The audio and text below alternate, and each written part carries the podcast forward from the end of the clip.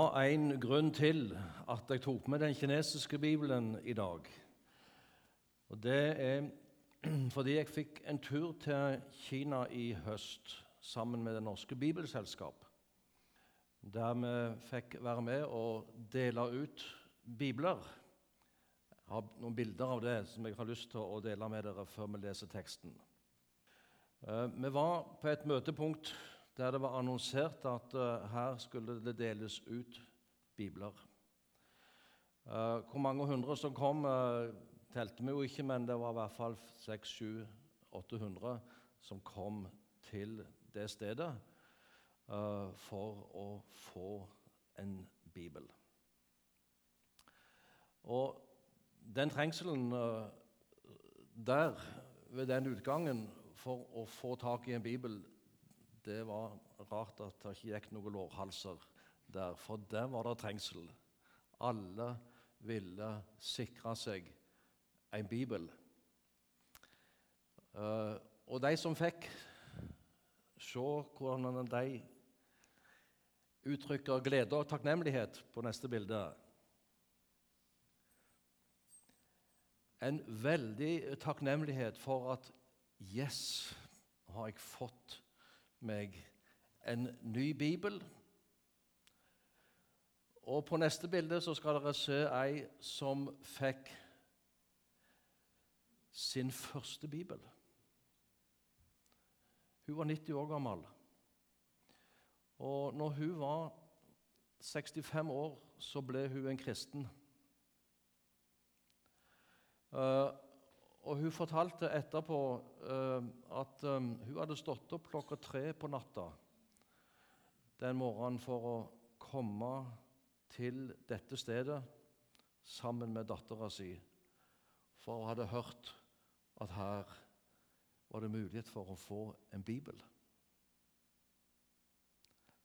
Og nå, nå fikk hun en bibel. Uh, det er et bibeltrykkeri i Kina, i Nanjing, som trykker mellom tre og fire millioner bibler hvert år. Det har de gjort i 30 år nå. Jeg håper at de får anledning til å gjøre det videre.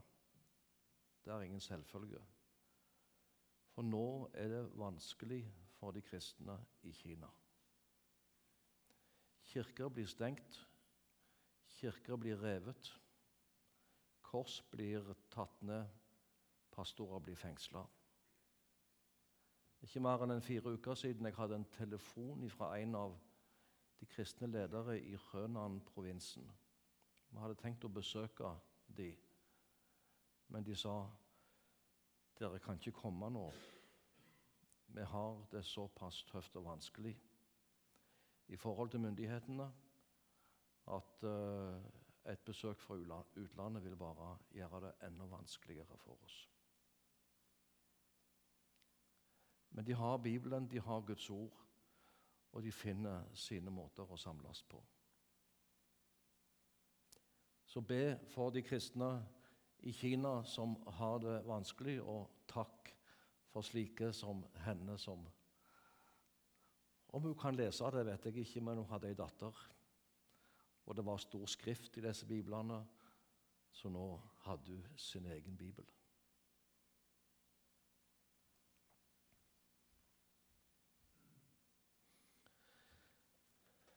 Ja, jeg har jo fått uh, temaet for uh, denne våren her i Misjonssalen. Og jeg fikk lov til å velge emne innenfor den, uh, det skriftstedet. Så jeg har satt i Herrens hånd som eh, overskrift på det jeg har lyst til å dele med dere i dag. Og Da har jeg lyst til å lese en fortelling, eh, eller en beretning fra Jeremia kapittel 18, som eh, jeg er veldig glad i, og som jeg har lyst til å dele noe ifra med dere. Jeremia 18, vers 1-6. Dette er det ordet som kom til Jeremias fra Herren. Stå opp og gå ned til pottemakerens hus. Der vil jeg la deg høre mine ord. Jeg gikk da ned til pottemakerens hus, og se, han gjorde sitt arbeid på dreieskiven. Og det karet som han gjorde av leire, ble mislykket i pottemakerens hånd. Da gjorde han det om igjen, til et annet kar, slik han ville ha det. Og Herrens ord kom til meg, og det lød så:" Skulle ikke jeg kunne gjøre med dere, Israels hus, som denne pottemakeren, sier Herren.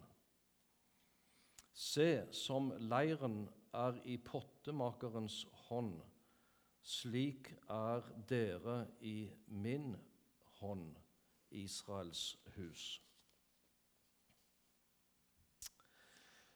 Kanskje vi skulle begynne med å minne hverandre om at vi bor i potteribyen Sandnes. Et bilde rett borti veien her. Uh, ved starten av Roald Amundsens gate av en, en pottemaker. Um, vi vet at teglverk og pottemakere uh, har um, vært gjennom mange generasjoner her i Sandnes. Og jeg har lest meg til at det er en familiebedrift igjen som heter Sandnes Potteri. Og de driver i eh, sjuende eller åttende generasjon. Og det er et sånt pottemakerhus her borte i, i Langgata. Så dette er vel ikke noe ukjent for, uh, for Sandnes folk. Um, som òg kjenner Sandnes Gauken, og laga av leire, um, som òg har i byvåpenet vårt. Og så er vi vel Sandnes-gaukere, er vi ikke det? Vi blir vel kalt for Sandnes-gaukere, vi som, som er fra Sandnes. Jeg har alltid vært glad i eller opptatt av dette bildet om leiren i pottemakerens hånd og på pulten min hjemme så har jeg et bilde som er tegna av min gode venn og, og, og, kollega på Fjellhaug, Arne Helge Teigen. Um, det der har fulgt meg i uh, hele min tid og tjeneste i, uh, i misjonen. Helt fra jeg oppdaga en sånn en liten pottemakerfigur når jeg var i England på språkstudium på et antikvariat. Den kjøpte jeg. Den tok jeg med meg til Taiwan. Han forsvant under en av de mange flyttingene. Men så fikk jeg en til min 60-årsdag, som jeg òg har på, på, på, kontoret mitt. Pottemakeren og leiren i pottemakerens hånd. Det forteller meg noen sannheter som jeg har lyst til å, å dele med dere ut ifra den teksten vi, vi har lest. Uh, Jeremia fikk beskjed om å gå ned til pottemakerens hus, og der skulle han få høre, står det. Uh, der skal jeg la deg høre mine ord. Og Så vet vi at Jeremia han fikk et uh, tungt uh, oppdrag, et tungt budskap å gå med til Israels folk. Uh, han fikk i oppdrag å påtale israelsfolkets frafall. Han fikk i oppdrag å forkynne dom over folket. Samtidig så han fikk i oppdrag å, å, å kalle de til omvendelse. Uh, og så er det det denne teksten i Jeremia-boka står i. Jeremia sitt kall til å forkynne både dom og frelse uh, for Israels folk. Uh, og så sier han det Herren til han etter at Jeremia har sett pottemakeren arbeida med leiren på dreieskiva, at slik er dere i min hånd, Israels folk, både til dom og til frelse. Så er det spennende å se hvordan Bibelen taler om Guds hender. Og Luther sa at Gud gjør to forskjellige gjerninger med sine hender. Han dømmer, og han frelser. Og det står det ord om i Bibelen òg. Eh, Hebreerbrevet kapittel 10 sier noe om at det er forferdelig å falle i den levende Guds hender. Når Gud dømmer, når Gud knuser. Det er forferdelig å falle i den levende Guds hender. Og David han hadde òg en opplevelse av det når han tidde med sin synd. Han vitner om dette i Salme 32. Da jeg tidde, da lå din hånd tungt på meg. Min livs saft svant som ved sommerens tørke.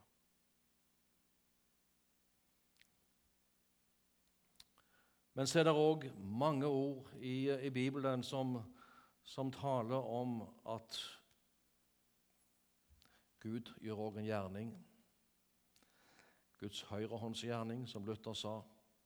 Han frelser, han bevarer.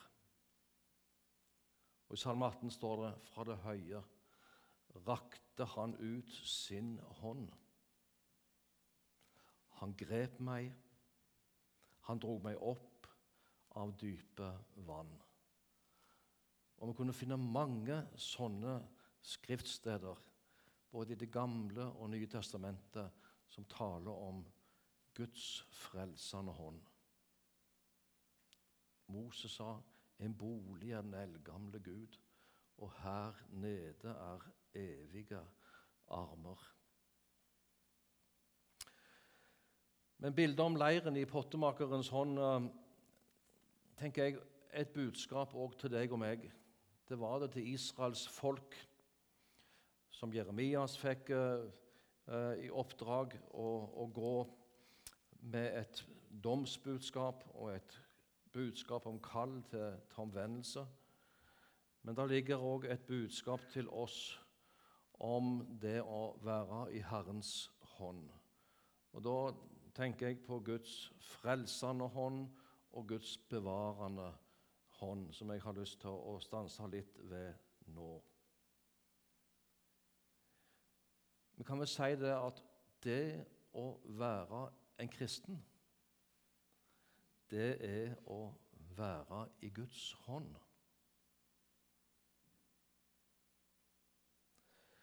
Uh, ja, hvordan kom vi dit?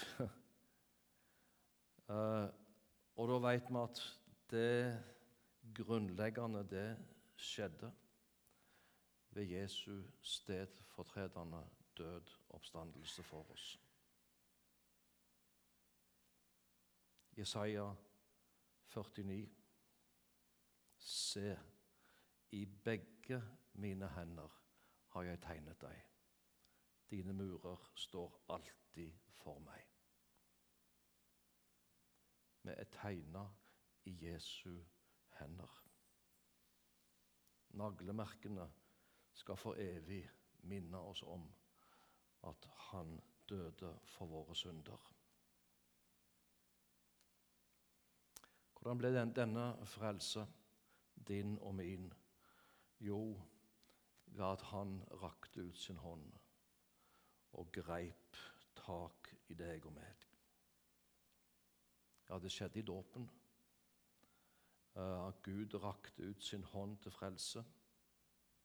Det skjer når et menneske uh, tar imot Jesus i tro. Og da er det Gud som handler, som rekker ut sin hånd. Hans frelsende hånd griper tak i oss, og så får vi være i hans hånd. Salme 73 så vitner jo Asaf Du har grepet min høyre hånd. Du leder meg med ditt råd, og deretter tar du meg opp i herlighet. Har du kristenlivet? Du har grepet min høyre hånd. Du leder meg, du tar meg opp i herlighet. Guds frelsende og bevarende hånd. Jeg skal synge en sang etterpå som ikke bare passer i begravelser. Jeg er i Herrens hender, men den passer å synge uh, for et Guds barn. For jeg er i Herrens hender når dagen gryr i øst, i alt som med meg skjer. Når dagen dør i vest, og når dødens bud meg når. Jeg er i Herrens hender. Og jeg er så glad i det bildet, for det er og jeg som er lærklumpen i pottemakerens hånd. Der han frelser, der han former, der han bevarer. Og så kan et Guds barn få si i din hånd er mine tider. Alle mine tider. Gode tider. Vonde tider. I livets forskjellige faser, eh, fra barn til, til alderdom. I din hånd, Herre, er mine tider. Jeg fant et sitat av en som heter Georg Geil, som sier at aldri kommer det onde fra Gud, men når det onde rammer deg, er det plass i Guds hånd til deg og alt som er blitt ditt. Og om du skulle synke i det dypeste hav, så er selve havet bare en vannputt i din fars hånd. Hvor trygt å sette sin vei i Herrens hånd og få oppleve det at jeg er i Herrens hender i alt som med meg skjer. Og det er ikke jeg som holder det grepet. Du har grepet min høyre hånd. Og Jesus sier at 'jeg slipper deg aldri'.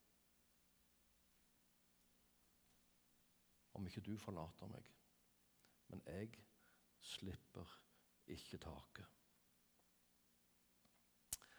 Så det var det første som dette bildet med pottemakeren forteller meg. Det å få være som leire i pottemakerens hånd. På Guds dreieskive. Og Det sier noe om å bli forma, om å bli danna i Mesterens hånd. Og Jeg husker ofte i min ungdom så sang vi en sang som heter 'Dan du meg, Herre'. Dan du meg, Herre, helt ved din ånd. Form meg som leiren i mesterhånd. Ta meg og dann meg slik som du ser gagner min sjel og saken din her. Det var viktig i ei avgjørende tid i ungdommen å få ha den bønna med seg i viktige valg i utvikling både menneskelig og åndelig. Dan du meg, Herre. Men så er det ikke bare en bønn som gjelder i unge år. For på en måte så er et Guds barn på Guds dreieskive livet ut.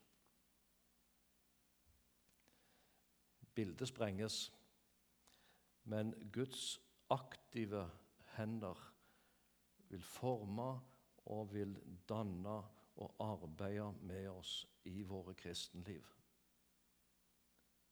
I vår helliggjørelse, i våre, i våre liv som kristne.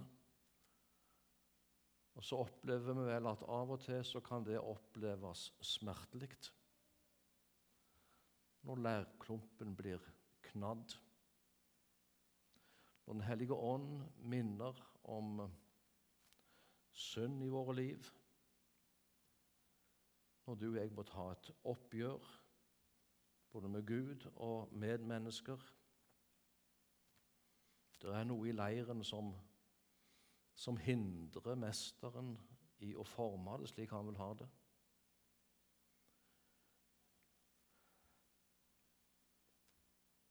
Og da tenker jeg at det er godt å, å vite at også da er jeg i kyndige og trygge og kjærlige hender. Det var et vers til i den der sangen fra ungdommen. Eh, Dan du meg, Herre, til ditt behag. Kom, Mester, kom og prøv meg i dag. Hvit liksom sneen, ved snøen renser du meg, så jeg meg stille bøyer for deg. På Guds dreieskive, der Han vil danne og forme for å bevare for å utruste. Og Så sto det noe her om eh, når det karet han gjorde, ble mislykket i pottemakerens hånd. Og, og at det ble mislykket, det, det, var ikke fordi at uh, pottemakeren ikke var dyktig og kunne sitt håndverk. Nei, det var på grunn av leirklumpen som han bearbeida. Og Så er det bare den forskjellen mellom denne døde leirklumpen og, og, og oss at uh, vi, vi, er ikke dødt materiale. Um, I bildet ligger der et kall til omvendelse, til fornyelse, når ting går i stykker. Det kan være et fall i en fristelse Um, du svikter. Og det gjelder oss alle. Vi faller i synd, og vi trenger tilgivelse. Og vi kalles til å leve i, i daglig omvendelse med våre liv. Og det innbys vi til. Og så står det så fint at uh, at når karet ble mislykka i mesterens hånd, ja, hva da? Da gjorde han det om igjen. Den setningen er jeg spesielt glad i. Da gjorde han det om igjen. Kasta ikke lærklumpen fra seg.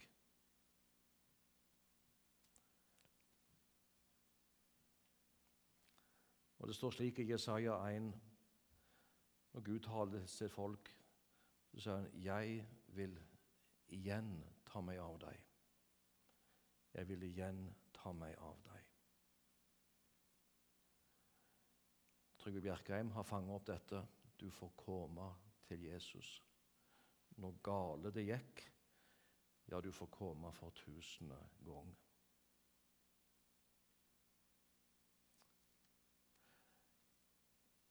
Og så ligger det òg i dette at du skal få være i Guds hånd.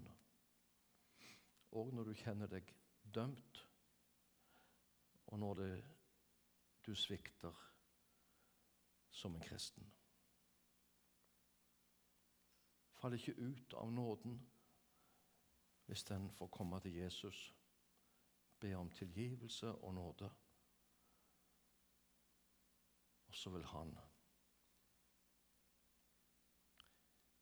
gjøre det om igjen. Igjen ta seg av deg og meg. Og Det siste punktet det står at pottemakeren gjorde karet om igjen slik han ville ha det. Slik han ville ha det. Han hadde en plan. Han hadde en, en hensikt, et mål med denne lærklumpen. Et kar nyttig for sin herre og mester. Andre Tim 2,20. Der tales det om et stort hus. Er det ikke bare kar av gull og sølv, men også av tre og leire. Noen kar er til ærefullt bruk, andre til vanære, står det. Eh, og så et vers til, eh, der det, det står noe om at kar skal være til Guds ære. Det skal være helliget, nyttig for husbonden, satt i stand til all god gjerning. Jeg husker i min ungdom så sang vi ofte en sang på bedehuset som, eh, der koret gikk sånn Får jeg da være, kar til din ære, ta meg ved hånden, du. Så tenkte jeg i min tenår at en slik kar vil jeg gjerne være. En kar til Guds ære. Og Så var det vel ett kar det var meint da, men for meg ble det én kar. Kar til Guds ære, ta meg ved hånden, du. Og Slik vil Han forme og danne oss i livets skole, i samfunnet med Han, eh, fordi Han har en plan, Han har en vilje, Han har Eh, en oppgave. Han vil forme oss slik at vi blir nyttig for vår Herre. Eh, så former han oss forskjellig. At et kar blir eh, vellykka, betyr ikke nødvendigvis at det blir et stort kar. Det kan være et lite kar som er nyttig til en bestemt tjeneste. Og slik er det. Vi er forskjellige, både med nådegaver uh, og, og, tjenester. Og så må bønna vår være Dann og form du meg, Herre, til din ære, til det som kan være nyttig og ganglig for min Herre og Mester. Så er vi i Mesterens hånd, og når det gjelder utrustning til tjeneste. Det er Han som vil forme oss og gi oss det vi trenger i den tjeneste som vi har, eller som vi får. Og så Helt til slutt uh, det står å ta med ett vers, eller to vers fra 2. Korinterbrev, kapittel 4, som også taler om om leirkaret. Dette porøse, eh, litt eh, lett knuselige materialet. Et bilde på deg og meg. Men så står det eh, fordi om karet er skrøpelig, så er det lagt en skatt inn i dette karet. Vi har fått del i evangeliet. Jesus har ved troen tatt bolig i våre hjerter, i dette skrøpelige kar som er deg og meg. Og så må bønna for oss være at evangeliet fra Jesus Kristus får lyse fram gjennom våre sprukne kar. Derfor sett din vei i Herrens hånd, og stol på Han.